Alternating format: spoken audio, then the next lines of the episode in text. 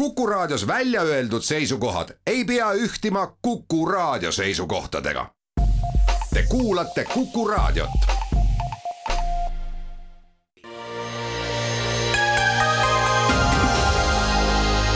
poliitikakuru.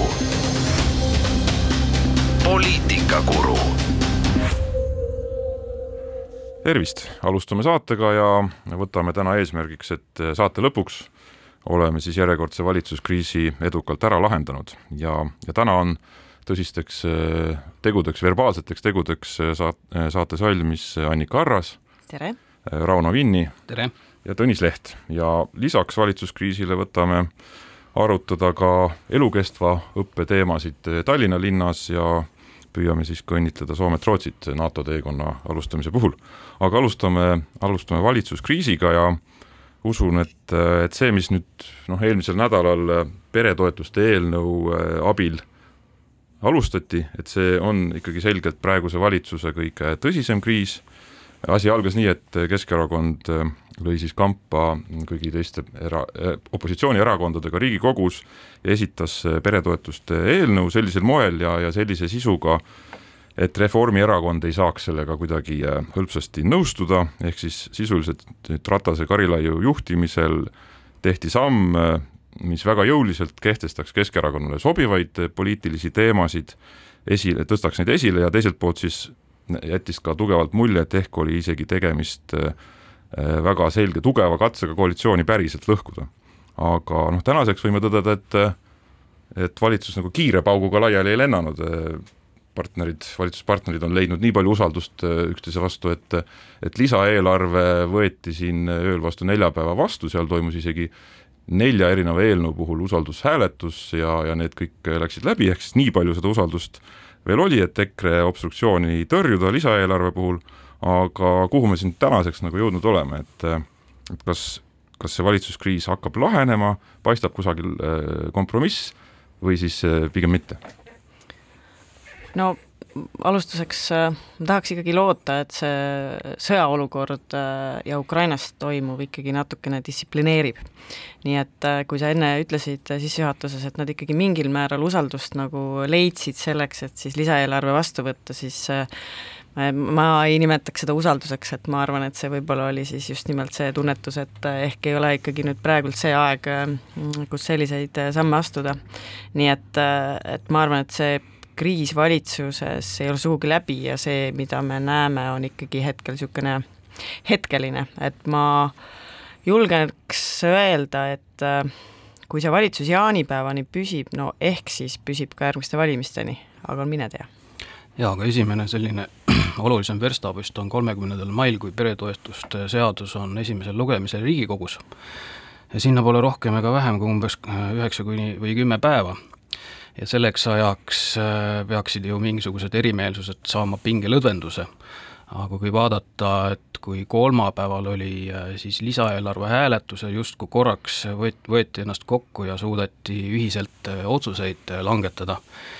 siis eilsel pressikonverentsil eilsetest sõnumitest ei jäänud kohe kuidagi seda muljet, et nüüd see lisaeelarve vastuvõtmine ja muud need usaldushääletusega seotud seadused seal ühine joon kuidagi äh, jätkuks äh, ja, ja, ja oleks ka peretoetuste teemal äh, see ühisosa olemas. et nii Keskerakond ei ole kohe kuidagi valmis sammu tagasi astuma tänasel, tänase seisuga ega ka Reformierakond, kes ju nii peaministri kui teiste juhtivate erakondlaste läbi, suu läbi on öelnud, et, et sellisel kujul valitsust ei ole. me tulemegi päris nagu huvitavas olukorras, et, et see valitsus on nagu äh, nagu Schröderi kass, et sa ei tea, kas ta on seal kastis elus või, või surnud, pead järgi vaatama, aga see järgmine, järgi vaatamine ka võib lõppeda kehvasti, sest sa sekkud protsessi ja see on nagu kvantfüüsika, tegelikult päris lõpuni nagu aru ei saa, et mis seal toimub ja mis see olek seal parasjagu on. ja no nädal tagasi äh, ka meie saates võib-olla tundus äh, pilt äh, võib-olla natukene selgem, selles mõttes, et noh, teisalt muidugi oli endiselt väga segane, aga et et oli ole õhus ikkagi võimalus, et äh, koalitsioon laguneb äh, noh, kiiremini, et praeguseks on ikkagi toimunud selline vaju, nii-öelda kriisi äh, teatud vajune, vajumine siis kaeviku nii-öelda konfliktiks, võetud on pisut aega, kohe kiiresti see asi ju siis lisaeelarvega koos laiali ei lennanud, et et siit võib nagu tõdeda, et juhul, kui Keskerakonna eesmärk nüüd selle peretoetuste teema tõstmisel oli või oleks olnud kiire valitsuse lõhkumine ja sinna asemele ka kiiresti uue koalitsiooni asemele panek, siis noh, eeldatavasti siis EKRE ja Isamaaga koos, et siis, siis see isegi kui seda plaani heietati, siis kuhugi see jäi toppama ja seda päriselt vettpidavalt olemas ei olnud. ehk kui vaadata, kuivõrd jõuliselt Keskerakond ootamatult ja mingis mõttes ka ikkagi tuleb öelda, et innovatiivselt pinged uuesti õhku kruvis koalitsioonis, et siis oleks eeldanud, et selle eesmärk on ikkagi nii-öelda valitsusvahetus kiiresti, mitte lihtsalt sellisel avantüristlikul moel enda teema püstitamine, ilma et sellise nii-öelda konflikti üleskiskumise tagajärgi või sellele nii-öelda oleks selge väljumistee endal ka olemas, et, et see tegelikult visati põhimõtteliselt ikkagi tiiki selline suur kivi ja siis nüüd vaadatakse, mis edasi saab no ma ei ole kindel, et nad niisama seal vaatavad, et, et ma arvan, et see äh, Rauno mainitud äh, kvantfüüsika on tegelikult ikkagi nagu tõlgitav poliit-, poliittehnoloogiaks ka, et et kui vaadata seda nüüd seda peretoetuste eelnõu sammu äh, Keskerakonna poolt, et noh, seal oli kaks asja, et üks see, mis sa Tõnis ennem mainisid, et noh, esiteks nad läksid nii-öelda opositsiooniga koos seda tegema, noh, mis jah, viitab soovile lõhkuda, aga teine pool on ka see teema, mis valiti. et see on ikkagi nagu väga nagu niisugune, kuidas ma ütleks, niisugune ähm, strateegiline samm selles mõttes, et kui sa võtad teema, mis on seotud selliste pehmete väärtustega nagu pered ja lapsed, siis, äh, siis nad täiesti tahtlikult panid ka Reformierakonna ja peaministri sellisesse olukorda, kus, äh, kus sa pead kaitsma minema midagi, mida, mille osas, mille vastu ju mitte keegi olla ei taha, on ju. et noh, me ole-, nad oleks võinud ju valida ka näiteks Eestis, ma ei tea, teedeehituse, mis on praegu väga keerulises seisus, aga aga keda nüüd siis noh, betoon ja asfalt liiga palju nüüd nagu ikkagi kirgi ei küta. no aga selles mõttes seal on veel see mõõde ka olemas. jah, siin oli, tegelikult oli see ju hea valik ja, ja väga-väga hea valik suurepärane kattevari. enda teema kehtestamiseks, et need katsed on ju varemgi tehtud, et olgu see siis Täpselt. koroonapassi, eks ole, kaotamine nädal enne või nädal hiljem või siis noh, ka energiatoetused, see on muidugi sarnasem lastetoetuste teemale, aga, aga mitte nii. ja aga seda enam küünilisemaks selle, selle nagu asja teeb, et, et siin nagu et kui siis valijale on vaja rääkida hoolivusest, siis ma nüüd ei ole kindel, kas see päriselt see koht on see on jah päris huvitav, et see on tõepoolest väike valearvestus või isegi suur valearvestus Keskerakonna poolt, et seda läbi ei nähta, et, et seda on huvitav jälgida, et et üldiselt kõik kommentaatorid, nii suuremad kui väiksemad arvamusliidrid ja igasugused kõlakojad üldjoontes näevad seda Keskerakonna käiku läbi, sest küsimused tõepoolest ei ole niivõrd selles, mida tehakse vaid küsimus on selles, kuna tehakse ja eriti just, mis on see ajastus, eks ole, et meil on nagu tuhat kriisi korraga käimas, tervis, majandus, haridus, keskkond, kliima, energia ja nüüd siis, eks ole, noh, võib-olla isegi mitte valitsuse kriis, vaid koalitsioonikriis, et, et valitsuses ministrid võib-olla saavad paremini läbi kui kui need äh, kriisi õhutajad parlamendis. Nii et, et see teema nagu huvitav, et, et tegelikult saadakse aru sellest, et see on ainult ettekääne, et, et minna selles samas mustris valitsust lõhkuma või vähemalt paati kõigutama, et tõenäoliselt mingi plaan seal taga oli, aga, aga noh, see plaan ei olnud võib-olla nii lõpuni läbi mõeldud, et, et, et ta oleks hästi tööle hakanud. Ja tänases seisus me olemegi, täpselt nädal aega hiljem me oleme täpselt samas seisus ja, ja isegi võib-olla erakorralised äh, valimised ei ole lõpuni välistatud, kuigi nende tõenäosus on jätkuvalt äh, väga pisike, eks ole. no siin võib äh, muidugi rolli mängida ka see, et, et ega Keskerakonnal ei ole ka sisemiselt lihtsad ajad, et kui Keskerakond oleks sisemiselt tugev ja ühtne, siis, siis on ka lihtsam selliseid ettevõetud avantüüre lõpuni viia. aga ei saa ka välistada seda, et, et noh, kui ikkagi kuskil keegi sisemistes jõujoontes kõhkleb, siis, siis ongi tegelikult tegelikult äh, raske lõpuni minna. Äh, kindlasti ja, ja Keskerakond on selles mõttes äh, nii-öelda mitmest kooslusest koosnev, et ühelt poolt siis fraktsioon või erakond ise katuse mõttes, Jüri Ratas, Jaanus Karilaid, samas ministrid valitsuses on korduvalt jätnud muljet, et nad noh, neid pingeid pigem maandaksid ja, ja tööd jätkaks ja, ja omaette jõujoon on muidugi eh, Mihhail Kõlvart ja siis tema ümber olev venekeelne ja Tallinna siis tuumik, kes ka, ka sama, sama sammu Ratase Karilaiuga tingimata sugugi ei astu ja võisid ka olla siin nii-öelda pidurdav element julgemate eh, uute koalitsioonilahenduste kehtestamisel eh, ka, ka Ratasele ja Karilaiule. aga mina selles mõttes saan Keskerakonnast aru, et midagi nad tegema peavad, eks ole, vaatame äh, reitingut, seda nad pingsalt jälgivad, sellepärast nad pingsalt muretsevad ja muretsemiseks põhjust on, reiting tõesti on madal. Äh, Reformierakonnal samas väga-väga kõrge, mõnes reitingu küsitluses on juba Keskerakond pluss EKRE võrdub siis Reformi reiting, eks ole, see on selge murekoht, Ukraina sõda jätkub, julgeoleku teema on endiselt esil, seda teemat kõigil teistel sest seda julgeoleku teemat Reformierakond valdab ja seetõttu kõigil teistel eesotsas Keskerakonnaga on ju tarvis nagu midagi siin diskursuses muuta. ja selles mõttes see lastetoetuste teema valik poliittehniliselt oli nagu õige ja nad viimase, ütleme, nädala-kahe jooksul on ka suutnud seda teemat vahetada. küsimus on lihtsalt selles, et see oli tõesti avalikkuse, kõik, kõigi vähegi analüütilisemalt mõtlevate inimeste jaoks niivõrd läbinähtav äh, omakasule orienteeritud äh, avantüristlik äh, taktika, et äh, ehkki see uus teema on esil, siis see lahend, konkreetne lahendus võib olla Keskerakonna jaoks ikkagi endale nii-öelda jalga tulistav. aga teemat on nad pisut suutnud vahetada selles jaa, selles osas nõus, aga et mille peale võib-olla veel tuleks mõelda ja tundub, et nad ikkagi mõelnud, on see, et sellistes olukordades, nagu me hetkel oleme, see meelsus ühiskonnas Äh, on mõnevõrra erinev tavapärast, äh, tavapärasest, et äh, et sellises ohu, ohutunnetuse keskel, sellises sõjavaimus tihtipeale materiaalsed teemad kipuvad äh, minema inimeste sellises äh, olulisuse aheldas madalamale. ja, ja turvatunde küsimused on äh, märksa olulisemad. nii et noh, siin tuleb natuke ka seda vaadata, et kuivõrd palju siis nüüd hetkel see temaatika resoneerub tegelikkuses Eesti inimesega, kes on nagu viimasel kahel kuul tõestanud, et me oleme valmis väga palju enda käest ära andma selleks, et toetada neid, kellel on parasjagu kehvem olla no eks lastetoetuste tõus mõnes mõttes ta resoneerub ju olukorraga, et, et lihtsalt äh, igasugune inf-, äh, hinnatõus ja, ja inflatsioon on niivõrd üüratu, et, et see on, me oleme siin maailmameistrid selles. ja selles suhtes on ka raske vastu vaielda, et kuidagi peab sellega tegelema ja midagi justkui peaks nagu ette võtma, jätame selle hetkel kõrvale, et häid valikuid siin ei, siin ei ole, aga kui sellel noolil jätkata, et, et mis need ühiskondlikud hoiakud on ja kuidas need ikkagi ajas natukene arenevad ka, siis lubaks endale sellise vahelepõike, et mina olen ammu juba sellele mõelnud, et kas Eesti ühiskond ja valijad kunagi arenevad ka sellele tasemele, et, et sellise vastandumise, mis on üks populismi niisuguse eh, eheda olemuse külgi, selle asemel hakatakse väärtustama ka eh, poliitikuid ja poliitikaid, mis on üles ehitatud koostööle ja millegi ärategemisele. ehk siis me tõesti tahame mingit muutust saada ja koalitsioonivalitsustes sa pead koostööd tegema, et seda ära saada, ma saan aru, et see on selline aateline ja naiivne arvamus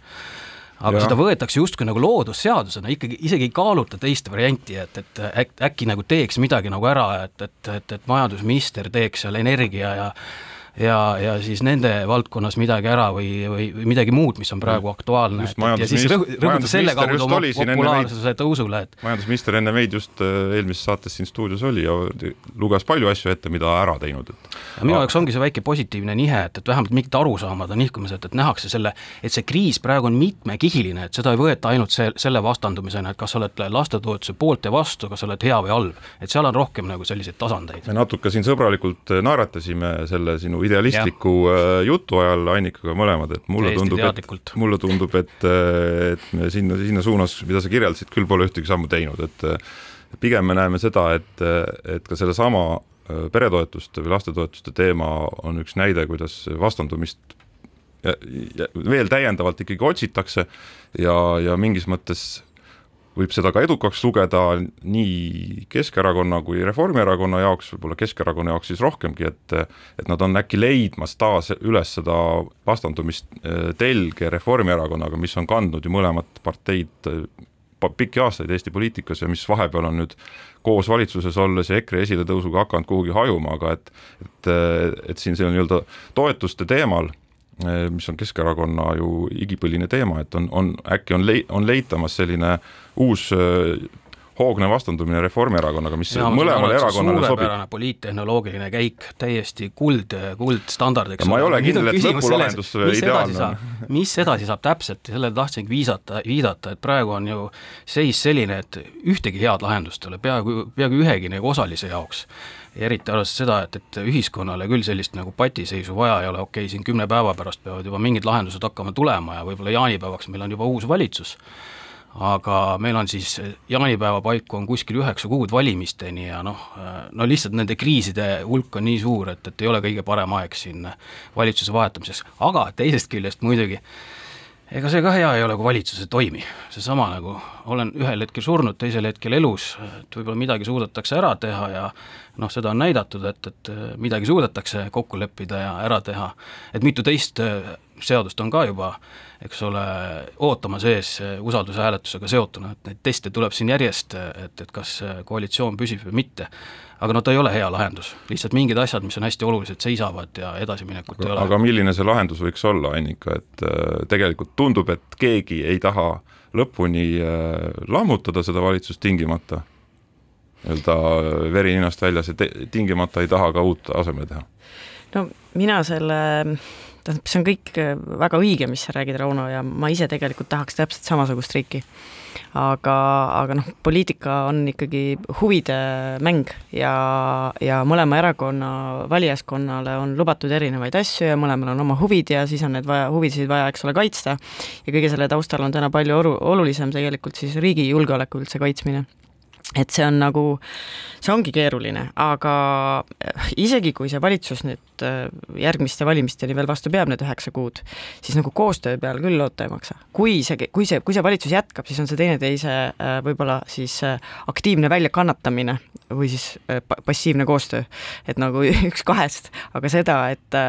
et me näeksime seda, et kui me vaatame neid, kõiki neid muid kriise, olgu need siis nüüd energeetika teemal või, või rohepöördega seonduvalt või ma ei tea, mis meil seal teedeehituses veel saama hakkab, et see on igalt poolt on asi punases. et nüüd seal hakkaks tulema selline ühes koosmeeles õigete otsuste vastuvõtmine, et seda illusiooni veel vist ei maksa luua. no kompromiss, mis mis pole muidugi kellegi õige kompromiss, aga mis võimaldaks lohiseda siis kuni valimisteni ilma valitsust vahetamata, võiks minu nägemuses olla see, et noh, mõlemal poolel on tegelikult väga raske teha suuri samme üksteise suunas, et mõlemad on ennast äh, ikkagi verbaalselt väga erinevatesse nii-öelda poksiringi nurkadesse kinnitanud. et äh, aga noh, see põhimõtteliselt see lahend võiks olla see, et, et äh, Keskerakond siis tõmbab tagasi sellest nii-öelda enne jaanipäeva selle seaduse läbisurumise kavast, mis tundub siis Isamaale, sotsidele, EKRE-le mingil määral reetmisena, et ühesõnaga jää-, jäetakse see, pannakse see natukeseks äh, nii-öelda jahedamasse sahtlisse. justkui tegeletakse kuni äh, juunikuu keskpaigani sellega endiselt intensiivselt, ka esimese lugemine läbitakse, nii edasi, aga, aga siis jääb ta nii-öelda soikuma ja Reformierakond teiselt poolt siis lubab, et äh, jah, me oleme valmis lubab lahkemalt kui seni, et me oleme valmis suurematest numbritest rääkima ja, ja sellel teemal nii-öelda edasi arutama. Siis sügisel või nii-öelda suve teises pooles ja siis see jääbki, jääbki vinduma ja tullakse selle lahingu juurde ja laiemate lahingute juurde tagasi, kuna, kuna meil on ka siin uus eelarve tulekul ja meil on energiatoetusi vaja jagada ja kulu, kulukohti on palju, eks ole tulukohti võib-olla vähem, et siis, siis need lahingud lihtsalt jätkuvad sügisel äh, ja, ja see võib-olla tege-, see tegelikult sobib ju kõigile osapooltele poliittehniliselt, sest siis on valimised ka lähemal. sügisel, siis kui on ka riigieelarve läbirääkimised ja riigieelarve strateegia on uuesti laual ja, ja on võib-olla selgem ka, et, et mis majanduses toimuma hakkab ja, ja kuidas maksud laekuvad uuel aastal ja mis need prognoosid on et, et äh, siis ongi loogilisem see vajaduste loetelu pikemalt ette võtta ja sealt hakata prioriteeti kaupa minema. võib-olla leitakse mingeid häid ideid no seda võib ju alati loota, aga teeme siinkohal väikse pausi.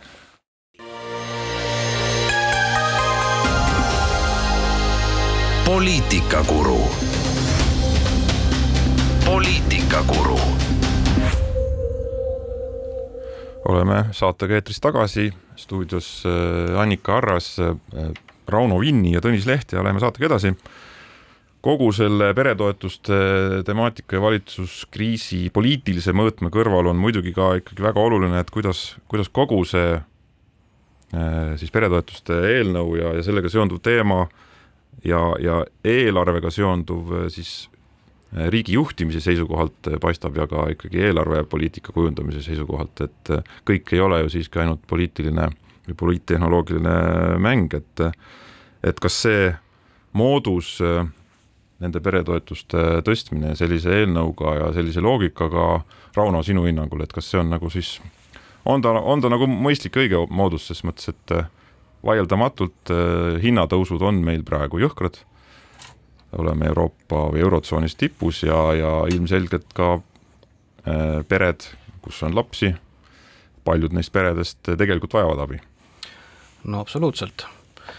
aga enne oli korra sellest ajastusest juttu, et äh, loogilisem ajastus oleks ikkagi äh, vaadata erinevaid teemasid koos. et üks argument, mida poliitikud praegu kasutavad, kes pooldavad pereteatuse, seda, seda eelnõu, on see, et, et et asi tuleb ära otsustada praegu, sest see on oluline prioriteet parlamendi jaoks, prioriteet tuleb lukku lüüa, et siis oskaks hiljem, eks ole, nendes kalkulatsioonides juba arvestada siis selle selle poliitilise seisukohavõtuga. no selle vastu räägib see loogika, et, et, et raske on ikkagi otsustada prioriteete, kui sa teed seda ükshaaval minu mõistus ütleks, et, et prioriteete tuleks vaadata üheskoos, et sa teaksid, mida siis nagu seal nimekirjas ettepoole lükata ja mida tahapoole. et see, see on see valitsuse üles, see on valitsuse tehniline ülesanne, mis tuleb kunagi hiljem. või siis on ainult üks prioriteet järelikult no kui nii lihtsad asjad elus oleks, siis äh, oleks ju, siis ei oleks meil võib-olla neid probleeme ka, eks ole, et, et aga on teada, et, et neid alternatiive tegelikult on, võtame sellest nädalast kõrghariduse rahastamise teemad, noh, üliterav vajadus või, või mingisugused muud toetused, et eile tuli äh, teade, et, et valitsus kaalub jätkata energiatoetustega, eelmine periood läks sada seitsekümmend miljonit selle peale, et, et ei ole mingit põhjust arvata, et need saaksid järgmisel hooajal olema väiksemad, pigem kõrgemad, et kui see periood isegi veel pikem on, et, et teatavasti näiteks aprillis seda ei makstud ja ja inimestel oli kohe probleem, on praegu arvetega probleem. Nii et selles suhtes ikkagi see loogika väga hästi ei päde, et paneme mingisuguse ühe asja lukku ja siis vaatame muid asju nagu hiljem nagu juurde no ma lisaks siia juurde veel selle ka, et, et ega siis äh, tavaliselt ikkagi riigi eelarvestrateegia pannakse kokku lähtudes kõige viimasest ja kõige värskemast majandusprognoosist ka, on ju. et me sisuliselt täna selle, selle eelnõu lukkupanemisega justkui äh, täna ennustame ette, kuidas need olukorrad sügisel on, mida me ju veel ei tea, vaadates, kuidas siin äh, trendib, rääkides näiteks inflatsioonist, on ju. nii et, et ka see, see, see suurendab veel rohkem tead-, teadmatust, et ega ja seal on, see on riigieelarve strateegia, strateegia on oluline märksõna siinkohal, et, et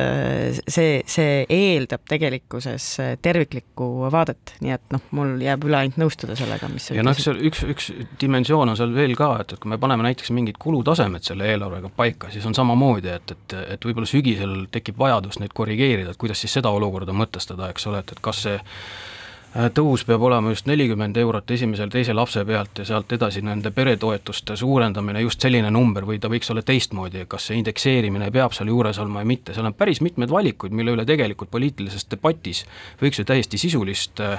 sisulist ka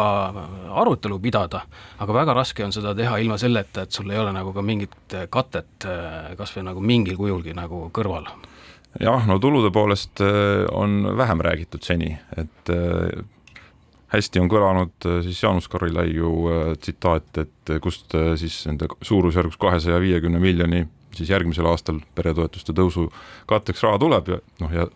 sealt edasi need tänu ka siis suuremate laste arvuga perede siis toetuste indekseerimisel, need kasvud on iga aasta märkimisväärsed, ehk et kust siis raha tuleb, siis vastus oli, et eelarvest küsimus on jah, et kuhu ta sinna, e-, kuidas ta sinna eelarvesse jõuab, sellele nagu ülemäära tähelepanu pole pööratud, äh, siis vähemalt Keskerakonna ja ka teiste opositsioonierakondade poolt siis noh, kuni eilseni. et äh, vähemalt eile siis asus, äh, asuti siis Keskerakonna ministrite poolt nagu selgemalt ka rõhutama seda, et jah, maksud peavad olema see üks nendest olulistest katteallikatest, et jah, et ainult laen see tõenäoliselt ei peaks olema ja, ja siis ka inflatsioonist tulenevad väga-väga äh, suured ülelaekumised, mida, mida on siin nii-öelda promotud ka sel aastal ja võib-olla järgmisel aastal, et see ei ole pikaajaline kate ikkagi saja protsendi ulatuses kindlasti. ehk et maksud äh, on laual ja valmisolek Keskerakonna poolt ka maksudebatti pidada on olemas, et need vanad head äh, teemad on kohe võtta, ehk siis ettevõtete tulumaks ja astmeline, astmeline tulumaks, et et noh, see on selline vana plaat, mis on Keskerakonnale loogiline ja see, et nad seda kasutavad, on, on ju nende vaatest igati õige. ja minu meelest on see ka, ehkki see on niisugune trafaretne lähenemine ja võib-olla tegelikult seal neid tulunumbreid nii palju peidus ei ole, aga vähemalt on see tunnistus, et jah, et et maksudega tuleb ka midagi teha ja katteallikaid on ka vaja aasta alguses ma oleks veel uskunud äh, ja uskusingi, et äh, üks põhiteemasid saab olema äh, maksudebatt enne järgmiseid valimisi, aga mulle tundub, et sõda Ukrainas on need kaardid segi löönud ja, ja, ja võib-olla ikkagi see peamine arutelu saab tulema julgeolek pluss energeetika ja noh, energeetika ka julgeoleku vaatest, aga mitte ainult, vaid ka tegelikkuses hinnavaatest et kas ta nüüd jõuab, kas, kas me oleme võimelised korraga nüüd nii palju erinevaid kompleksseid teemasid ette võtma ja panema veel sinna juurde maksudebati, on iseküsimus, aga ma arvan, et Reformierakonnale see sobiks ju, see on ju nende tugevus ja seesama, mis sa ennem, Tõnis, viitasid, et siis on jälle Reformierakonnal ja Keskerakonnal võimalus äh, teineteisega vaielda ja ja oma tugevusi esile tuua enda valijatele. Ja olen ka sellest parteist, kes ütleb, et, et maksudebatt debati parim enne on ammu juba möödas, et seda oleks pidanud juba eelmiste valimiste ajal olema põhiteema number üks. sest seal on ikka palju rohkem küsimusi, mida peaks vaatama, lisaks sellele, mida sa, Tõnis, mainisid, et ravikindlustusmaksud, hoolduskindlustusmaksud, see, kuidas maksud jagunevad kesk- ja kohalike omavalitsuste vahel, millised on kohalike maksude tõstmise võimalused, mis tüüpi need üldse olla võivad ja nii edasi, et see nimekiri on nii pikk, et, et, et see on täiesti eraldi saatesarja teema Äh,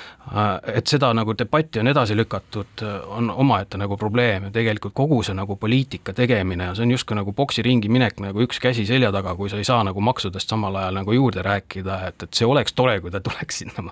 valimisdebatti, aga, aga jah, et äh, seal on nagu need takistused nagu. nojah, need takistused on väga õiged, Annika, mis sa mainisid, julgeoleku teema jääb domineerima ja, ja energ-, energeetika ja sellega seonduv energiajulgeolek, aga ka siis muidugi kulud, eks ole, inimestele, et need on need põhilised teemad, aga see, see energiaga seonduvad kulud ja, ja üldise hinnatõusu teema muidugi läheb otsapidi ka maksudeni välja ilmselgelt. Ja, ja noh, Keskerakond ja mitte ainult nemad püüavad seda ütleme siis toetuste või inimeste hakkamasaamise teemat esile tõsta, aga need lastetoetused on see, sellest selge näide. Ja, ja arvestades, et meil muidugi pole veel suvigi alanud, aga, aga juba terendab, eks ole, järgmine sügis ja talv, kui on väga tõenäoline, et energiahinnad, elektri-gaasi hinnad eeskätt siis eh, hõlpu ei anna, et tõenäoliselt tuleb ikkagi suhteliselt analoogne või kohati võib-olla isegi hullem hindade talv, ehk et siis see, see temaatika tuleb kindlasti esile ja, ja võimalik, et ta ikkagi, kuna see Ukraina sõda on nii kaua juba kestnud, et siis kui need pedaale teatud erakonnad õigesti vajutavad, et siis ta võib hakata nagu ka natukene ikkagi seda julgeoleku teemat noh, mitte ära ta seda ei suuda lükata, aga, aga võimalik, et see toetuste teema on miski, mille Keskerakond suudab nagu esile lükata rohkem. see oleks neile muidugi kasulik. aga teeme siinkohal väikse pausi.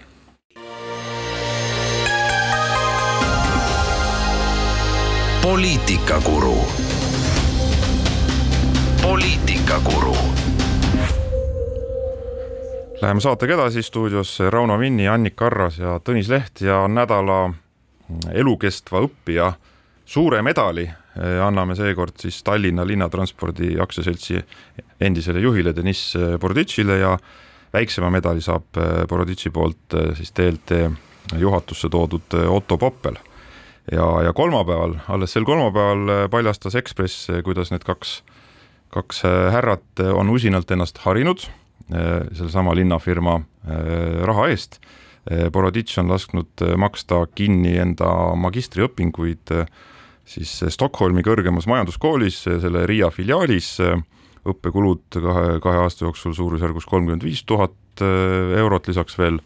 erinevates kohtades õppimiseks ka lennuki ja hotellikulud ja Otto Poppeli õpingud siis EBS-is suurusjärgus kahekümne tuhande euro eest, et need kulud või nagu selle põhimõttelise õppimise eh, kulude tegemise on eh, kinnitanud ka TLT nõukogu esimees, abilinnapea Novikov, kuigi noh, nüüd on väidetud, et konkreetseid numbreid ta heaks äh, ei kiitnud, aga reaktsioon sellele äh, teatele siis Ekspressis oli väga kiire, sisuliselt juba ikkagi praktiliselt samal päeval siis äh, Boroditš sai oma kohast lahti, et väärib ka nii-öelda nädala kinga Äh, tunnetaja tiitlit äh, linnapea Kõlvart äh, tegi selles mõttes väga kiire sammu, et kas, kas me näeme siis, vaadates seda kiiret reaktsiooni, Rauno, et kas tegemist on sellise järjekordse kiiduväärse kiire sammuga Tallinna linna juhtimise parendamise suunas? kas vastan lühi-, lühidalt või pikalt? jäta mulle ka aega lühike vastus on see, et, et ega see see samm nüüd üleliia kindlust ei anna selles osas, et linna juhtimine siin kiire hooga nüüd paremaks saab. ja miks, vastus on see, et, et tegelikult ju noh, siin on esimene õppetund nüüd sellistele poliit äh, valimised, valimistele valituks saajatele, et, et niipea, kui sinu järgi tegelik vajadus ikkagi kaob, pead sa valmis olema selleks, et sinust ka kergekäeliselt loobutakse, eriti veel, kui sa ise võib-olla ei ole nagu suurepäraseid tulemusi oma ametikohal näidanud. Nii et äh, et see, see, see, see liigutus tehti kiiresti ära, aga kui vaadata natukene laiemalt, siis palju usutavam oleks linnavalitsuse puhastumine siis, kui selle sammuga oleks kaasnenud ka teade, et nüüd tehakse ikkagi ära need sammud, mis on vajalikud, et kogu äh, linna juhtimise, linna erinevate allasutuste ja ettevõtete juhtimissüsteem äh, korda aetaks ja võib-olla kõige lihtsam näide seal, mida võiks teha, seisneb selles, et kui riik juba mõned head aastad tagasi suutis ikkagi poliitilisel tasandil kokku leppida, et, et ühest hetkest alates hakatakse riigi tasandil ettevõtete nõukogusid ja, ja nende juhte valima nimetamiskomitee kaudu, kuhu kuuluvad siis need inimesed, kes oskavad hinnata erinevate kandidaate, kandidaatide häid ja, ja, ja nõrku külgi, et kui taoline nimetamiskomitee ka nagu Tallinna linnavalitsus sisse seatakse, siis oleks võib-olla nagu loota mingit puhastumist, et täna oli pigem selline kiire probleemi kalevi alla lükkumise, lükkamise tunne. Jaa, põnev teema, et ähm, no alustuseks ma äh, Tallinna linnakodanikuna mõtlen, et kui äh, sellise nii-öelda väärtusruumi ja suhtumisega juhid käsutavad kaheksakümmend kuus miljonit maksumaksja raha, siis äh, teeb nagu murelikuks küll mitte, et ma oleks kuidagi vastu sellele, et inimesed ei peaks ennast arendama ja, ja, ja kogu aeg paremaks saama. aga mis selle loo juures nüüd minu arust põnev on ja millele me ei ole veel vastuseid saanud, mistõttu ma arvan, et see, mm, neid tiitleid võib siin veel anda tulevikus, on, on pigem see, et kes täna valetab. sellepärast, et kui eh, Boroditš väidab, et tema ei tunne küll, et ta midagi oleks valesti teinud ja kõik oli kooskõlastatud aga abilinnapea ja linnapea mõlemad väidavad, et äh, nad olid teadlikud, äh, et need sündmused siis või siis koolitustel käiakse, aga nad ei teadnud, äh, mis see kõik maksab, siis mina arvan, et see on alles eelmäng ja põnevaks alles hakkab minema. et võib-olla seal ähm, Ekspressi loos ei olnudki päris veel kõike kirjas, mis kuskil siin kihtides toimub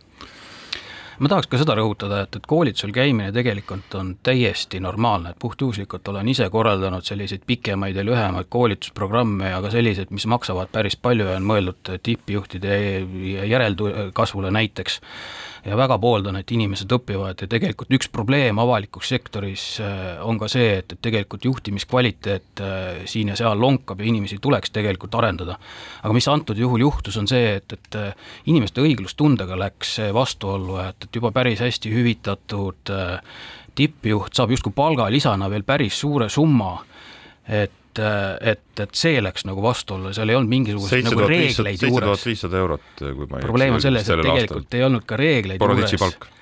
et, et kuidas, kuidas seda hinnata, et tõepoolest tegelikult siis äh, linnavalitsuse liikmed, nii palkajad kui ka hiljem siis see nõukogu esimees vaatasid läbi, läbi sõrmede tegelikult sellele olukorrale ja noh, näeme, et, et seal ei ole mingisugust sellist mustrit, et linn on hästi juhitud selles valdkonnas, see on probleem jah, et üks pikem äh, eesmärk peaks olema see, et äh, Tallinna linnasüsteem ei oleks niivõrd äh, tugevalt ka läbi õmmeldud põimunud Keskerakonnaga siis parteilises mõttes, et need linnaasutuste ja ettevõtete ja ka nende nõukogude liikmeskond ei oleks erakonna jaoks selline ressursi äh, hankimise pump, olgu siis äh, ütleme siis partei liikmetelt äh, otsese nii-öelda liikmelõivu võtmise kaudu või siis valimiste kontekstis propaganda või muu administratiivse ressursi kasutamine, mis linnal on siis Keskerakonna valimiste huvides, mida me tegelikult oleme ju näinud aastaid, aastaid, millele mis on otsapidi jõudnud ka keelatud annetusteni ja Keskerakonna poolt äh, läbinud erinevaid kohtuastmeid ja on tulnud ka neid annetusi suures mahus tagasi maksta. et see süsteem peaks muutuma ja ma ei ole ülemäära kindel, et vaadates ka nüüd seda Boroditši kaasust, mis võib-olla on natuke teistsugune, aga ikkagi nii-öelda ametikoht saadi millegi eest mingil põhjusel tingimata, ma ei ole kindel, et see oli nii-öelda parim võimalik ekspert ja juht just sellele konkreetsele linnaettevõttele, et no võib ikka väita, et ei olnud, et kuigi siin on välja toodud, et nüüd omatulud on suurenenud ja noh, ma ei tea, tegelikult bussid ju on ju uued ja, ja nii edasi, aga, aga põhiprobleem on see, et transpordi kasutajate arv linnas kukub. et see on muidugi palju laiem teema, kogu linna planeerimine sinna juurde, kui ainult see, et, et kas liinid on nagu mõistuspärased või on nad kuuekümnendatest aastatest nagu Tallinnas. et noh, et tegelikult ei ole nagu see süsteem hästi juhitud, et, et mina olen ikkagi ühistranspordi kasutaja ja olen väga, mul vererõhk kohe tõuseb, kui ma sellest rääkima hakkan. mina sõidan, mina sõidan liinil, mis, liinil kaheksateist, mis, kui ma ei eksi, on ikkagi viiekümnendate lõpust pigem, siin ma võin küll paari aastaga eksida, aga omal ajal osati planeerida ja see liin töötab järelikult nii hästi lihtsalt juba Mõtle, siis. strateegiline valik viiekümneks aastaks. hea küll, hea küll, kuulge, lähme, lähme korraks sinna tagasi ikkagi, linn, muidu me läheme linnaplaneerimises, linnaplaneerimisse ära, et mul ikkagi on ikkagi hingel see, et see, mis sa, Tõnis, äh, viitasid, et, et see on mingis mõttes Keskerakonna käekiri olnud kogu aeg ja et kas nüüd linnapea Kõlvart, kellel on täna tegelikult võimalus tõestada, et äh, see käekiri on muutunud, et kas ta nüüd päriselt nagu veab selle nagu lõpuni välja, et kui praegult tuli otsus kiiresti, et siis mis saab edasi. et, et, et seetõttu ma arvan, et see selline meedia, kes on äh, nendel teemadel täitnud niisugust tublit ühiskondlikku valvekoera rolli, äh, peaks äh, silma hoolega peal hoidma ja vaatama, mis saab edasi. et kas, kas, kas see on nagu kas see on kiire otsus sellepärast, et võib-olla oli vaja midagi veel peita või see on kiire otsus sellepärast, et päriselt see on põhimõtteliselt vastuolus äh, tänase linnajuhtimise väärtustega, see on küsimus. ja ka sotsid sotsid, kes ja. on koalitsioonis, peaksid neil teemadel võib-olla olema valjuhäälsemad ja, ja rohkem nähtavalt nende teemadega tegelema, sest et äh, muidugi nad on väga ebavõrdses positsioonis seal koalitsioonis, aga muidu võib juhtuda see, et natuke seda muda hakkab liiga palju jääma ka nende mantli külge, mis, mida nad ja nad tegelikult... on seda lubanud ka, selles suhtes, et äh, tuleb neile seda lubadust lihtsalt meelde tuletada. aga teeme siinkohal väikse pausi.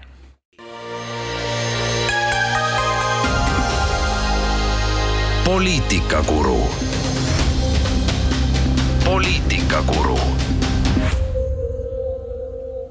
jätkame saatega stuudios äh, Rauno Vinni, Annika Arras ja Tõnis Leht ja samal ajal kui meil siin Eestis äh, vindub hoogsalt äh, valitsuskriis, siis meie regioonis, laiemas Läänemere regioonis on Venemaa agressiooni tõttu toimumas väga mastaapsed julgeolekupoliitilised muutused, Soome ja Rootsi on nüüd esitanud ametlikud avaldused, et liituda NATO-ga, miski, mis väga pikki aastakümneid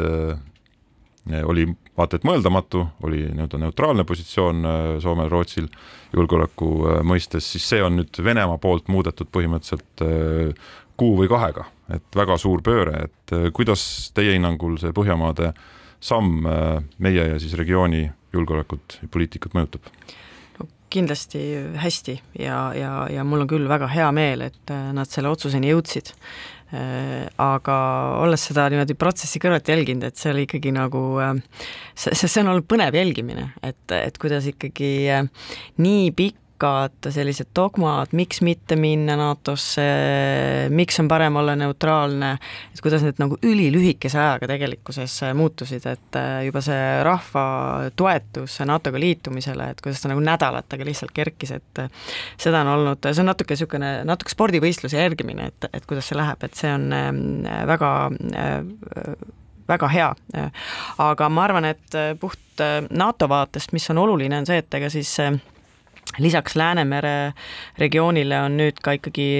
NATO-l hoopis äh, uus olukord ka seal põhjas, Arktikas, on ju, kus, äh, kus on samamoodi äh, kohtumispunkt Venemaaga, nii et, et ma arvan, et NATO strateegiline kaitse on kahtlemata nüüd tugevam sellest pole üldse küsimustki. see on jah, ikkagi no ei, ei saa üle pakkuda ega öelda, et see on tõesti ajalooline sündmus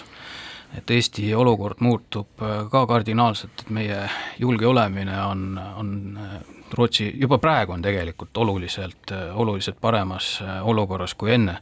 sest kuigi Türgi praegu pidurdab Soome-Rootsi liitumist, siis noh, üldine seisukoht või hoiak ikkagi kipub sinnapoole minema, et, et küll Türgi suudetakse ära veenda ja juba see, et suurriigid on pakkunud Soomele, Rootsile äh, noh, selleks üleminekuperioodiks garantiisid julgeoleku mõttes, see juba näitab, et põhimõtteliselt on asi ikkagi täiesti ära otsustatud ja, ja kõige kõrgemates ja kaugemates ja tähtsamates võimukoridorides. nii et juba võib öelda, et põhimõtteliselt on, on liitumine äh, veel aja küsimus, küsimus on see, et, et kui kaua see vindub, see võib-olla vastasseisude ületamine, aga, aga põhimõtteliselt võib öelda, et, et olukord on muutunud ja nagu siin need meemid sotsiaalmeedias ka on liikunud, et Putin on osutunud tõepoolest kõige tõhusamaks ja edukamaks NATO müügimeheks läbi aegade. nii et, et Eesti jaoks ei ole muud, kui siit, siit ainult võita ja mida ainult võib öelda, et, et, et, et me ei saa nüüd nagu loorberitele ka päris puhkama jääda, et, et see ei tähenda, et, et Eestil poleks vaja iseseisva kaitsevõime edasiarendamisega tegeleda ja, ja neid, kõiki neid investeeringuid, mida on plaanitud ja mida edasi plaanitakse teha, siis nagu justkui nagu kalevi alla panna, eks ole, et sellega tuleb kindlasti edasi minna ja ja värsked uudised ütlevad ka ju seda, et, et Eesti soov on ka NATO enda jõudu ja kohalolekut Balti riikides jätkuvalt kasvatada, kõigi sellega tuleb edasi teha, aga see on, kõik on võrreldamatult äh, lihtsam äh, ja, ja, ja tõesti nagu äh, kindlus on palju suurem, kui, kui ta oli ainult natuke aega tagasi. Ja no kindlasti see on ta täiesti väga-väga reaalne täiendav heidutus ikkagi Venemaale, et see ei ole mingi nii-öelda teoreetiline asi, vaid ikka väga praktiline tugev heidutus, täiendav, võtab maha, eks ju, poliitilisi ja bürokraatlikke takistusi, ajalisi takistusi ka meie Baltimaade kaitsmisel väga praktilisel moel ja, ja noh, tõesti võrreldes selle ajaga, kui, kui Venemaa tungis, kallale tungis Ukrainale selle esimese nädala pooleteisega võrreldes, et siis kui asi oli veel noatera peal ja noh, ei olnud, toona ei tundunud võimatu, et Venemaa siiski selle otsustavama, suurema võidu saab, et siis selle hetkega võrreldes, kui, kui siis Venemaa ja Putini isu oleks võib-olla veel kasvanud ja kasvanud, siis on ikkagi dramaatiliselt eh, muutunud see julgeolekuolukord nagu eh, meie jaoks paremas suunas, et seda on tõesti väga hea näha ja noh, Türgi vastas, vastu, vastuseis on mingis mõttes võib-olla tundub ootamatu, aga noh, see on ka neile omane olnud, et eks nad väiksemal skaalal äh, kasutasid äh, juba siin äh, aastat kaks tagasi, kaks tuhat kakskümmend suvel, siis kui oli NATO tippkohtumine ja, ja Balti riikidele siis NATO uut kaitseplaani kokku lepiti, et siis nad ju tegelikult väiksemal skaalal põtkisid ka toona ja nõudsid endale nii-öelda enne nende kin-, kaitseplaanide fikseerimist tugevamat toetust kurdide vastases võitluses Süürias, et nüüd on see noh, põhimõtteliselt on tegu analoogse vastasseisuga kurdide vastu ka seekord ja noh, poliitiliselt võib-olla see ei ole väga lihtne kokku leppida, aga, aga ma usun, et selle taha see siiski ei jää. Jaa, aga mida on nüüd huvitav edasi jälgida, on ikkagi äh, küsimus, äh, kas ja millal NATO on valmis edasi laienema ja, ja selles osas on juba selliseid ärevaks tegevaid minu arust noote. et ega siis äh, Putin ju ei maga, et äh, meenutan, kuidas kaks tuhat neliteist see kõik Krimmis algas, siis nüüd Putin andis teada, et Lõuna-Osseetias, ehk siis mis on okupeeritud ala Gruusias, asutakse taas läbi viima referendumit. ja täpselt samamoodi toimus see Krimmis, nii et nad juba teevad samme. no ärevad ajad ei ole sellega lõppenud, aga meie saade küll, oleme taas kuulda nädala pärast